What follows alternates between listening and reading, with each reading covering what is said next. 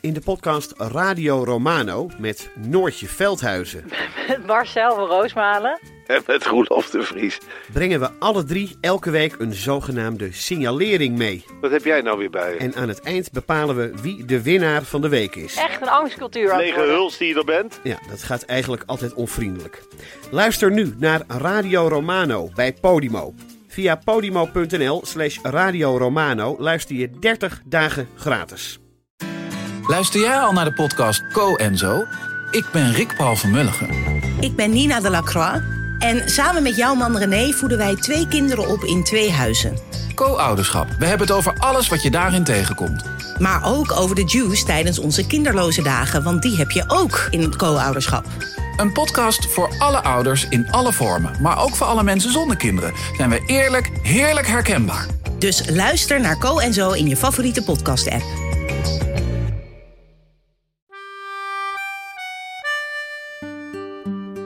Dit is Man met de microfoon met echte en bijna echte verhalen. En mijn naam is Chris Baayema.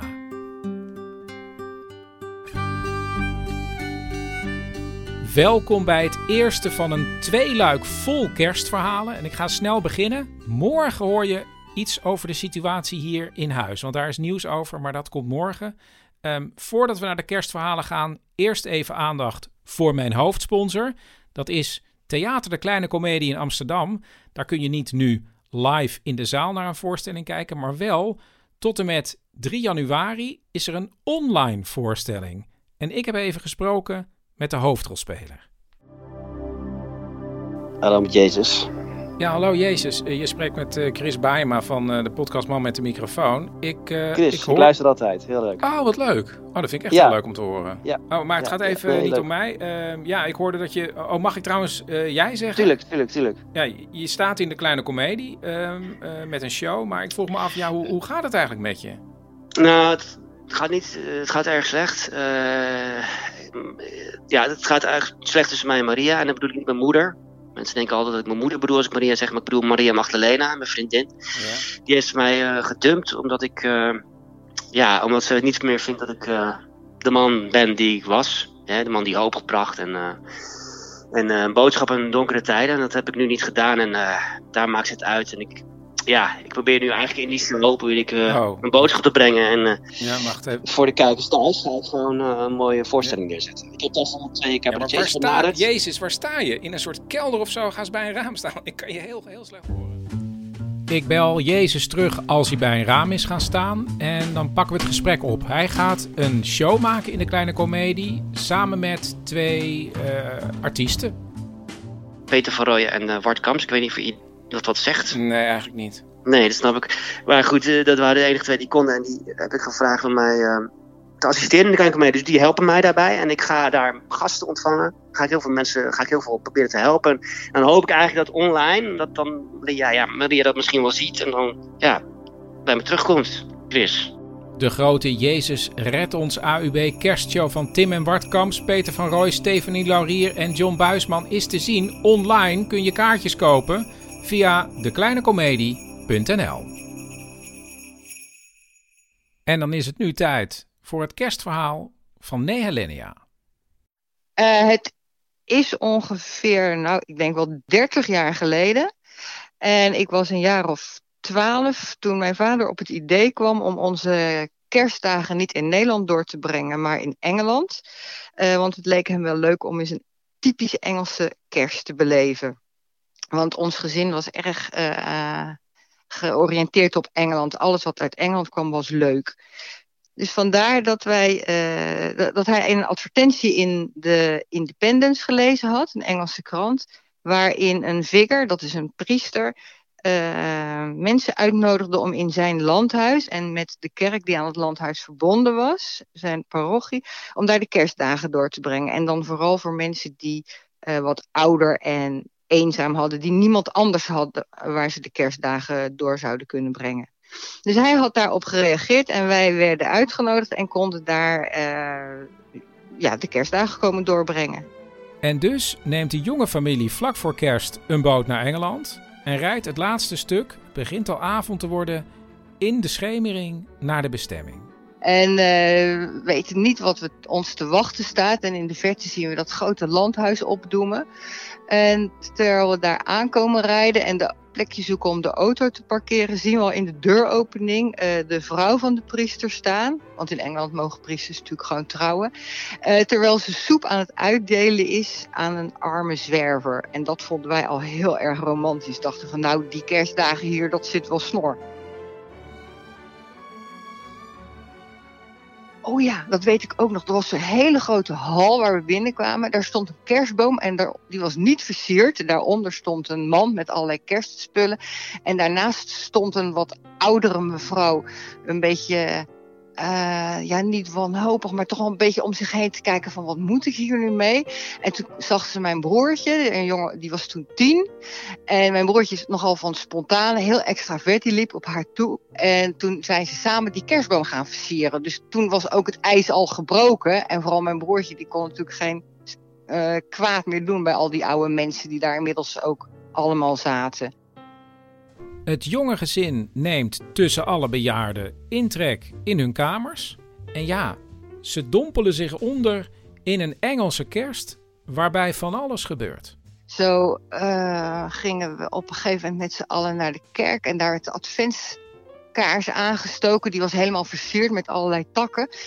En op een gegeven moment ging dat uh, aansteken helemaal mis. Waardoor uh, die hele adventskandelaar in de fik vloog. En de, van de hele kerkdienst niet zoveel meer overbleef. Omdat iedereen daar op een gegeven moment met wijwater de boel liep te blussen, zal ik maar zeggen. En uh, ja, op kerstdag hebben we ook een fantastisch lekkere uh, maaltijd gegeten. Gekookt door een kok. Een echte Engelse dikke kok die allemaal traditionele Engelse gerechten op tafel zetten. Uh, met kerst, dan heb je tijdens het uh, kerstdiner ook van die Christmas crackers. Nou, daar had ik 30 jaar geleden nog nooit van gehoord.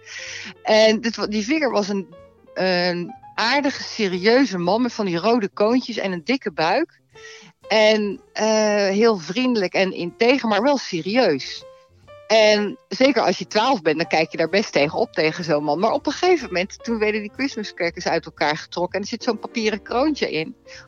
zat hij heel serieus met dat roze kroontje op zijn hoofd.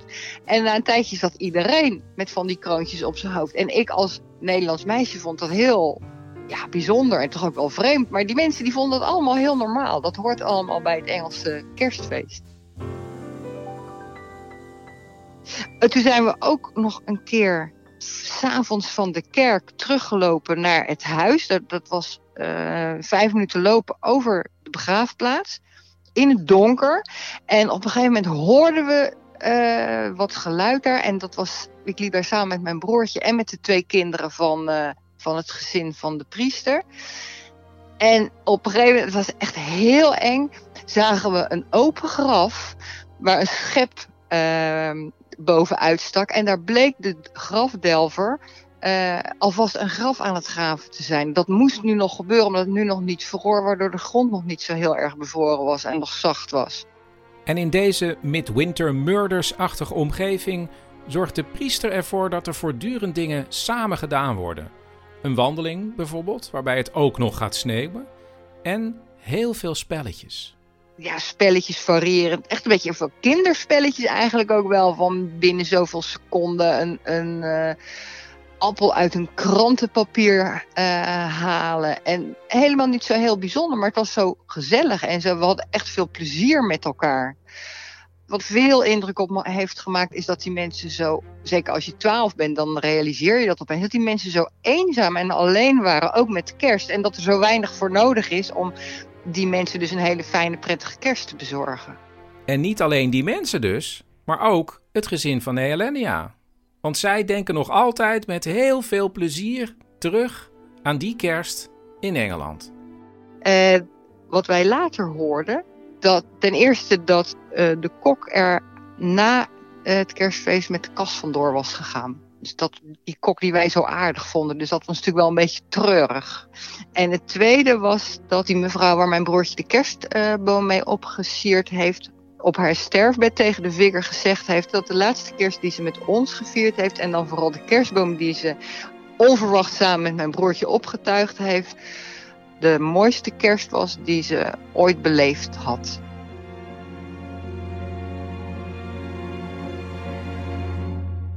Hoe belangrijk spelletjes zijn met kerst, bewijst ook het verhaal van Marieke. Het was uh, kerst 2003. Het was een koude kerst. En uh, ja, dat is uiteindelijk een memorabele kerstavond voor ons geworden. Uh, we vieren het bij mijn ouders, die wonen in het oosten van het land. En eigenlijk traditiegetrouw gingen wij met ons ouderlijk gezin, dat is mijn broertje en mijn zusje en hun uh, familie, gingen wij naar mijn ouders toe. En op dat moment uh, had ik een zoontje van 2,5 en een twee weken oude dochter. Dus ik ging eigenlijk half zwangerend, ontzwangerend uh, die kant op. En omdat een goede vriendin van mij geen kerst kon vieren bij haar familie, namen we haar mee. Omdat in ons gezin eigenlijk wel uh, het credo was dat met kerst niemand alleen zou moeten zijn. Dus die uh, werd een beetje geadopteerd in dit hele gezelschap. En dat was een lekkere ratje toe met uh, even kijken, iets van vijf kleine kinderen en de rest was volwassenen, waren met z'n veertienen. Um, en de avond begon eigenlijk heel gezellig, maar gaande de avond werd de sfeer steeds grimmiger. En dat kwam eigenlijk met name door het spelen van allerlei spelletjes. Want in onze familie um, zijn er een paar behoorlijke fanatiekelingen die erg competitief zijn en ook niet zo goed tegen hun verlies kunnen. Ja, misschien is het wel even leuk om dit in een soort familiehistorisch perspectief te plaatsen. Bijvoorbeeld dit. Mijn oma, die als we een potje bridge speelden, heel ouderwets, destijds nog met haar, op haar 93ste moesten altijd al alle kaarten bij ons houden... omdat ze het spel nog eens wilden naspelen... waar jij het dan misschien verkeerd had gedaan. Ja, kortom, een bloedfanatieke familie. En tussen haar en haar broer ja, zit dan ook nog haar moeder. Mijn moeder doet het altijd met een lach. Weet je, bij, mo bij moeder is het nooit serieus. Het is helemaal van de harmonie en ze let op dat iedereen uh, gehoord, gezien wordt. Oké, okay, de moeder van Marieke is niet zo fanatiek en haar man overigens ook niet. Maar haar broer en de vrouw van haar broer, die zijn bloedfanatiek. En dus kan de familie zich opmaken voor een echte spelletjesavond. Maar Sietske, onze dochter, die dus geboren is op 8 december, die was nog heel inimini en snip en snip en snipsnot verkouden al op haar 14e levensdag. De pus kwam uit haar ogen en uit haar neus. Dus ik besloot die avond maar eens vroeg met haar onder de wol uh, te duiken. En uh, me verder niet realiserend wat zich verder in de woonkamer afspeelde. Totdat ik rond een uur of één s'nachts uh, wakker werd door een geschreeuw onder mijn raam. Mijn ouderlijke kinderkamerraam. En piepende wegschurende autobanden. En dat bleek mijn uh, allerliefste schoonzusje te zijn... die uh, met een behoorlijke boel uh, achter haar kiezen woedend wegreed bij mijn ouders. Terug naar Amsterdam, omdat ze na een potje kolonisten ruzie had gekregen met mijn broertje. En mijn broertje rende in de vrieskou op zijn sokken achter haar aan met de woorden... Lieverd, lieverd, kom nou terug, ik hou van je, het is maar een spelletje. Nou, ik had geen idee wat er gebeurde. Ik lag daar met mijn kleine mini babytje en dacht, my god, wat van kerst is dit? Maar gelukkig uh, kwam mijn schoonzusje na een kilometer tot haar zinnen en besloot dat, dat het in haar hoedanigheid toch niet zo verstandig was om naar Amsterdam terug te rijden. En zij heeft zich weer bij mijn broertje gevoegd. Maar de volgende ochtend aan het ontbijt was de sfeer natuurlijk toch een beetje ijzig en awkward. Maar die werd gelukkig doorbroken door uh, Ines, het, eh, het wat met mij mee was. En uh, die we ons dus zo hartelijk werd ontvangen om kerst te vieren. En die had moeten slapen op een matras in de hobbykamer bij mijn ouders. En die kamer is altijd vreselijk koud. Die kunnen ze op een of andere manier ook niet warm krijgen. Maar ze verdeelde dat mijn moeder wel zo lief was geweest om haar koude bed voor te verwarmen met de bordenwarmer, uh, dezelfde bordenwarmer die mijn moeder had gebruikt om de borden van het kerstdiner mee te verwarmen. En zo werd het toch nog een warme kerst.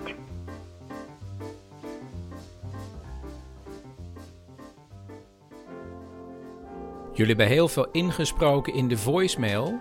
En soms is het bijna nog leuker om zelf een verhaal te verzinnen bij drie woorden die zijn ingesproken. Zoals bij dit bericht van Miranda. Geboorte, stroomuitval en hondenpoep. Ja, nou, als je denkt dat dit een interessant verhaal is, dan bel je me maar terug. Dankjewel. Sleigh bells snow, are you listening?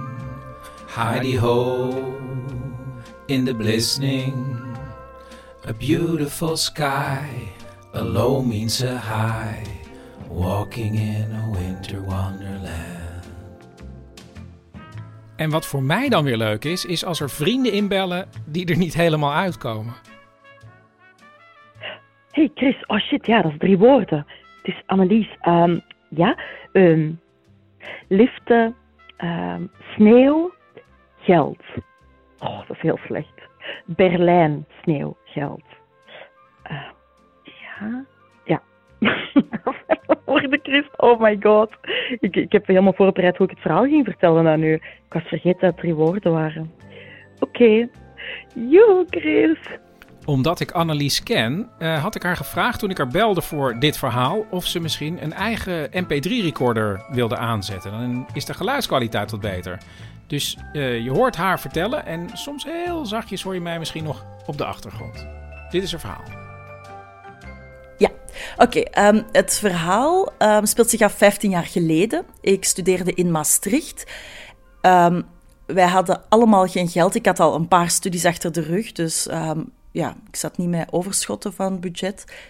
En wij hadden de gewoonte om met de mensen van school iedere vakantie of ieder moment dat we de kans hadden om naar Berlijn te liften. Soms deden we daar wedstrijden voor, maar vaak gewoon vertrokken we. En nu had een vriendin van ons um, uit Arnhem, die had een auto kunnen regelen. En zij zouden wachten in Nijmegen. En dan liften wij enkel van Maastricht tot Nijmegen. En de kerstvakantie was net begonnen. En we hadden afgesproken om tien uur s ochtends moesten we er zijn in Nijmegen. En wij, um, denk dat we echt om zeven uur al waren vertrokken s ochtends, aan de kant gaan staan. Maar het sneeuwde echt super hard. En niemand wilde stoppen. En na echt heel lang um, stopte zo een rood autootje, maar echt zo, zo echt een rammelbak. En die had zo één ruitenwissertje die zo half werkte. En daar, die kon zo echt door een heel klein gaatje naar de weg kijken. Maar goed, wij waren echt hopeloos, want we waren echt al, uh, volgens mij, een uur of zo te laat. Um, en die man um, laat ons in. En dat was echt een hele sympathieke man. En zoals dat hoort, als lifter moet je een gesprek voeren. En dat was een, echt een, ja, een, een super zachtaardige, sympathieke man. Wel zo met zo'n auto dat, dat, dat je denkt, oh, halen we dat wel? En die reed, weet ik ook nog, echt heel snel. Want hij was aan. En wanneer moesten jullie er nu weer zijn? Dus ach ja, wij zoefden door dat um, witte landschap... ja, een, een, tof gesprek. Ook niet verder iets speciaal, gewoon super sympathiek. Maar hij gaf wel niet veel prijs. En na een tijd toen kwamen we daar aan. Ja, wij kwamen in Nijmegen eindelijk aan. En toen zei hij... Um, hij vroeg, wat gaan jullie in Berlijn allemaal doen? Ik zei, ja, eigenlijk hebben we geen geld, maar we hebben nu de allergoedkoopste jeugdherberg gereserveerd. Waarschijnlijk was dat zo'n jeugdherberg dat je weet wel met, met twintig op een kamer lag. En we hebben wat eten bij, dus we gaan het wel zien. En die man vond dat echt heel... Ja, die had echt zoiets, ja, maar en gaan jullie niet uiteten of zo voor kerst? En wij ja, nee, daar is gewoon geen budget voor. Um, en helemaal op het einde zei hij, mag ik jullie een presentje geven? En oprecht, ik dacht aan een tekening of zo. Want een presentje, ik vond dat gewoon een grappig woord. Ja, nu moet ik toch even ingrijpen, want Annelies is Vlaams, dat hoor je. En soms hoort ze gewoon een Nederlands woord wat ze niet kent. Maar ja, dit kan weer zo'n typisch geval zijn. Um, ik weet, toen ik op de toneelschool auditie deed, dan, dan, dan zeiden ze ook, ik kan je toch eens op deze manier spelen. En ik weet dat, um, dat ik dan... Ik weet zelfs niet meer welk woord het was. Hè. Zo van, kan je het eens op die manier spelen? En ik zei, oh, dat woord ken ik niet. En toen zei die leraar, ja, in België zullen jullie dat niet gebruiken, dat woord. En toen was er een andere auditante en die zei, jawel hoor, zij kent gewoon dat woord niet. Dus ik... Dus ik moet zeggen dat ik vanaf nu altijd een soort lichte paniek voel als, als ze vragen: kennen jullie dat woord niet? Dan denk ik gewoon ja. Of ik waarschijnlijk niet. Ik bedoel, ik kon wel iets bij voorstellen, maar ik dacht echt zo, presentje, ja, ik weet niet. Ik zat echt eerder in de trant van een tekening te denken. Oké, we gaan terug naar de auto waar de bestuurder net gevraagd heeft of hij een presentje mag geven. Ehm, en ik zo, uh, ja, ja, ja, dat mag. En ehm, die gaf iets in mijn hand, maar ik durfde echt, echt niet te kijken. En toen vroeg ik, en wat doet, gaat jij hier in, in uh, wat gaat jij hier dan doen? En hij zei, ah ja, en we stonden zo naast zo'n gigantische bouwput. Hij zei, ah ja, ik ben de architect van dit um, gebouw. Ja, oké, okay, oké. Ik zei, ja, maar geef uw adres en ik ga jullie, jou een kaartje sturen. Um, nee, ik wil echt niks terug. Dit is het gewoon. En die zette ons af en die reed weg. En ik keek in mijn hand en die had 250 euro gegeven. En zo zijn wij in Berlijn echt lekker kunnen gaan uiteten en gaan feesten. Hadden wij dus alsnog een extreem luxueuze vakantie voor onze norm.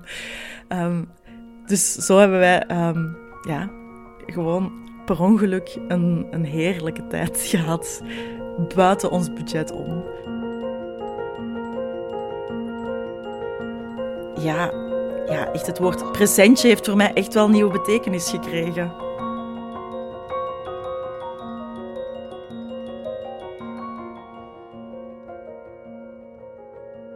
Bert, je stond op mijn voicemail. Chris, hoe lang doe jij over een fles handlotion? Handlotion? Ja, hoe lang doe je daarmee? Je bedoelt desinfecterende handgel, denk ik. Nee, ik bedoel moisturizing handlotion. Nou, geen idee. Dat heb ik niet. Echt niet? Nee, ja, ik heb wel bodylotion. Die, die smeer ik op mijn onderbenen, maar die zijn heel droog. Want die krap ik voortdurend tot bloedens toe open. En dan doe ik ook altijd met de douche heel, heel heet water erop. En dan... Chris, too much information en het gaat nu even niet over jou. Nou, wat is er? Ik heb een situatie. Listen. Ja. Ik heb van mijn hulp een kerstcadeau gekregen. Hulp? Je bedoelt je Braziliaanse ja. schoonmaakster? Claudia is veel meer dan dat, Chris. Zij helpt mij. Ja, met schoonmaken. Ja. Oké, nou, wat is er aan de hand? Nou, ze heeft me bij wijze van kerstgeschenk een kerstkaart met moisturizing handlotion gegeven. Nou ja, ja, weggooien? Nee, Chris, dat ziet ze. Ze maakt mijn hele huis schoon. Ik moet hem gebruiken. Nou, ja, misschien ook wel gewoon lekker. Nee, het stinkt naar een vrucht die ik niet ken. En ik dacht ook eerst dat het een zeepje was. Maar toen ik die zeep niet van mijn handen kreeg, heb ik er nog meer van gepakt. Om het van mijn handen te krijgen, omdat ik dacht dat het zeep was. Maar het was een lotion. Een moisturizing hand lotion. En nu? Ja, nu heb ik dus hele zachte handen die naar verschrikkelijke vrucht ruiken. En alles wat ik eet smaakt ernaar, want dan ruik ik mijn handen. Ja, hè, maar ja. En nu wil je weten hoe lang je er nog mee doet? Ja, ik moet die lotion natuurlijk op een opvallende plek in huis zetten en er iedere week een gedeelte van laten verdwijnen totdat die fles leeg is. Maar hoeveel moet ik er dan per week uithalen? Ja, geen idee. Uh, iedere dag twee, uh, pomp, twee, drie pompjes. 14 uh, of 21 pompjes per week dan. Ah, waarom doen mensen elkaar dit aan, Chris? Ze weten toch dat ik er nu mee opgescheept zit? Hè? Of wil ze me ergens op terugpakken? Is dat het? Ja, geen idee. Als het een heel aanwezige geur is, misschien wel. Godverdomme. Wat kan het dan zijn? Ja, weet ik veel. Ik ken die vrouw toch niet, Bert? Jezus, wat have I done, Chris? Wat is het? Ruik ik niet lekker? Mag ik haar niet vragen om de veranda schoon te maken? Praat ik te veel? Praat ik te weinig? Ben ik te aanwezig in huis? Dit was aflevering 44 van Man met de microfoon. Meegespeeld heeft Bert Kommerij. Man met de microfoon wordt mede mogelijk gemaakt door Theater de Kleine Comedie. En wil je die online voorstelling bekijken? Ga dan even naar www.dekleinecomedie.nl. Ja, en ik zou zeggen, ja, mocht je nou nog even rond deze kersttijd heel veel kerststerretjes willen achterlaten in de iTunes Store, dan is dit toch wel het moment. Want met veel sterretjes kom ik prominenter in beeld en dan kunnen er andere mensen gaan luisteren in de vakantie. Tot morgen.